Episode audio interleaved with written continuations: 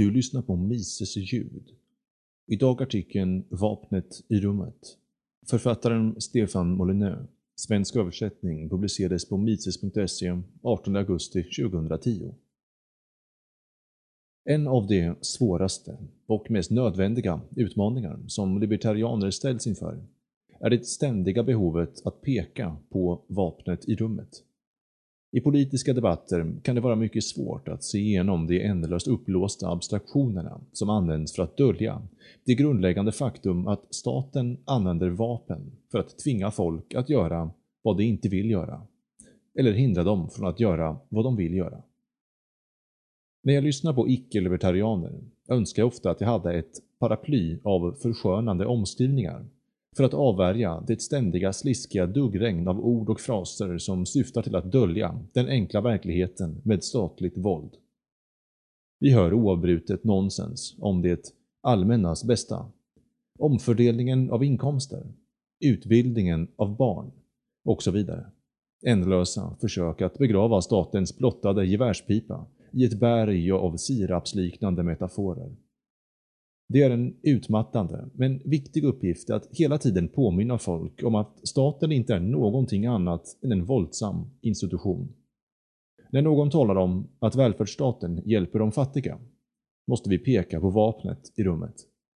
När någon motsätter sig avkriminaliseringen av marijuana, måste vi peka på vapnet i rummet. När någon stöder en minskning av skatterna, måste vi peka på vapnet i rummet även om en kula har tagits bort. Så mycket av det politiska språket är utformat för att dölja den enkla verkligheten med statligt våld, att libertarianismen ibland måste låta som en skiva med ett hack i. Vi måste dock fortsätta att skala bort de förskönande omskrivningar för att avslöja den socialt sanktionerade brutaliteten som ligger till grund för några av våra mest inpräntade sociala institutioner. Jag var nyligen involverad i en debatt med en kvinna om offentliga skolor.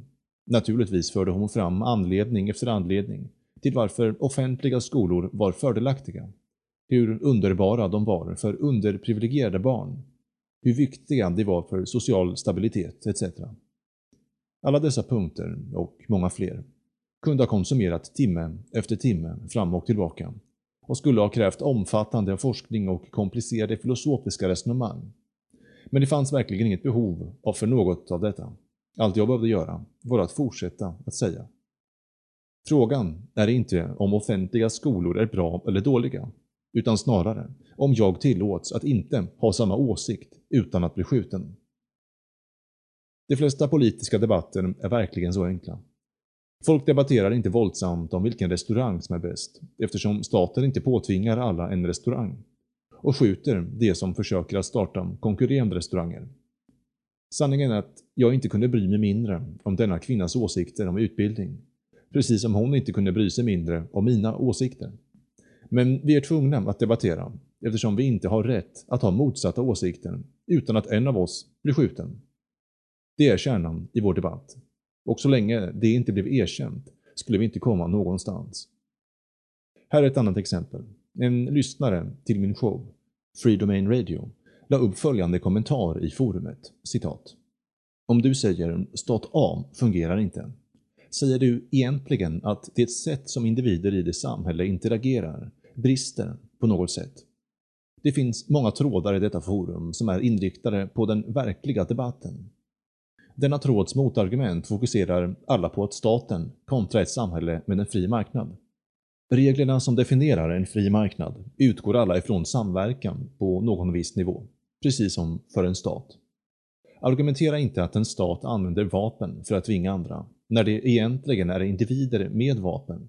Visa istället hur det andra sättet kommer att ha mindre vapen som tvingar andra, eller hur de vapnen skulle tvinga andra på ett mer fördelaktigt sätt.” Slutcitat. Mitt svar var Men, och jag är ledsen om jag missförstod det, Staten är tvång. Så jag vet inte hur jag ska tolka ditt stycke. Låt mig ersätta med en annan användning av tvång för att visa min förvirring. Om du säger att våldtäkter inte fungerar, säger du egentligen att det sätt individer i ditt samhälle interagerar brister på något sätt.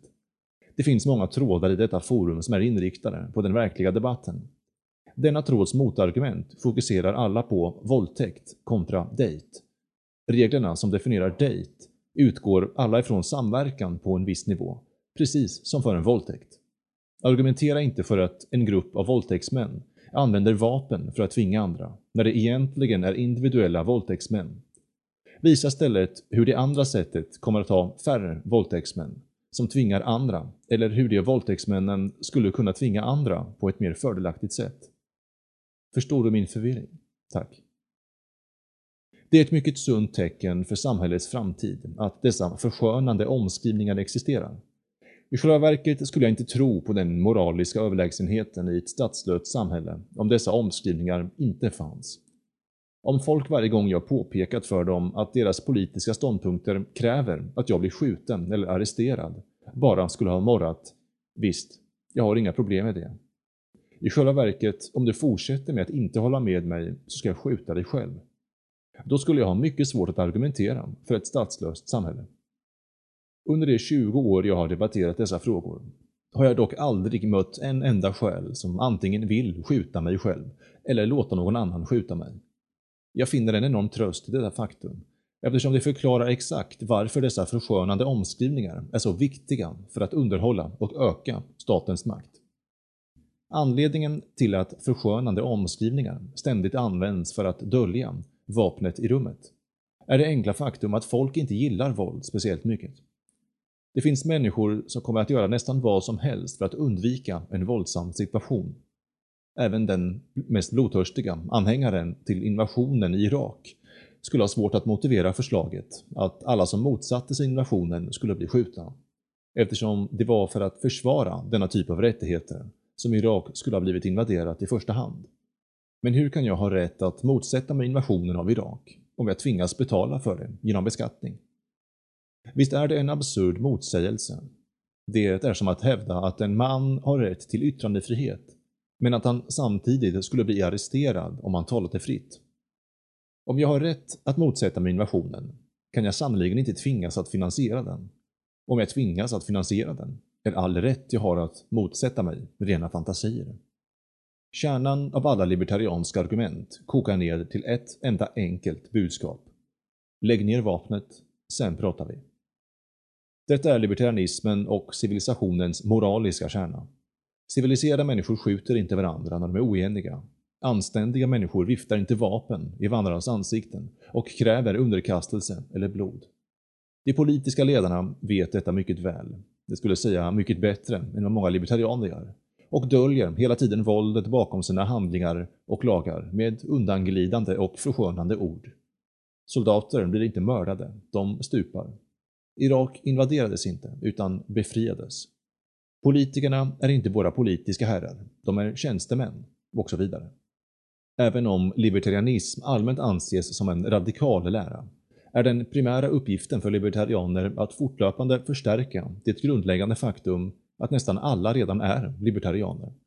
Om vi helt enkelt fortsätter att fråga folk om de är villiga att skjuta andra för att få som de vill, kan vi mycket snabbt övertyga dem om att libertarianism inte är en abstrakt, radikal eller marginell filosofi, utan snarare en enkel beskrivning utav de principer som de redan lever sina liv utifrån. Om du får sparken, tror du att du bör hålla din chef som gisslan tills han ger dig tillbaka ditt jobb? Inte? Ja, men då har du redan en libertariansk inställning till fackföreningar, tariffer och subventioner av företag. Om du hittar din tonårige son i källaren rökandes marijuana, skulle du skjuta honom då? Inte. Då har du redan en libertariansk inställning till narkotikalagstiftning. Ska de som motsätter sig krig bli skjutna för sin övertygelse? Inte. Då har du redan en libertariansk inställning när det gäller beskattning. Liksom den vetenskapliga metoden är libertarianismens största styrka sin kompromisslösa enkelhet. Verkställandet av äganderätt leder till en oerhört komplex ekonomi. Men moralen i äganderätten är mycket enkel. Skulle du skjuta en människa för att stjäla hans egendom? Samma komplexitet uppstår från den enkla och universella tillämpningen av icke-aggressionsprincipen. Det är lätt att gå vilse i den lockande komplexiteten och glömma bort att fortsätta att klargöra de grundläggande principerna. Så glöm de svårbegripliga detaljerna. Bry dig inte om historierna om Federal Reserve System eller ekonomin kring minimilönen. Fortsätt bara att peka på vapnet i rummet, om och om igen, tills världen äntligen börjar vakna och släpper det i skräck och avsky.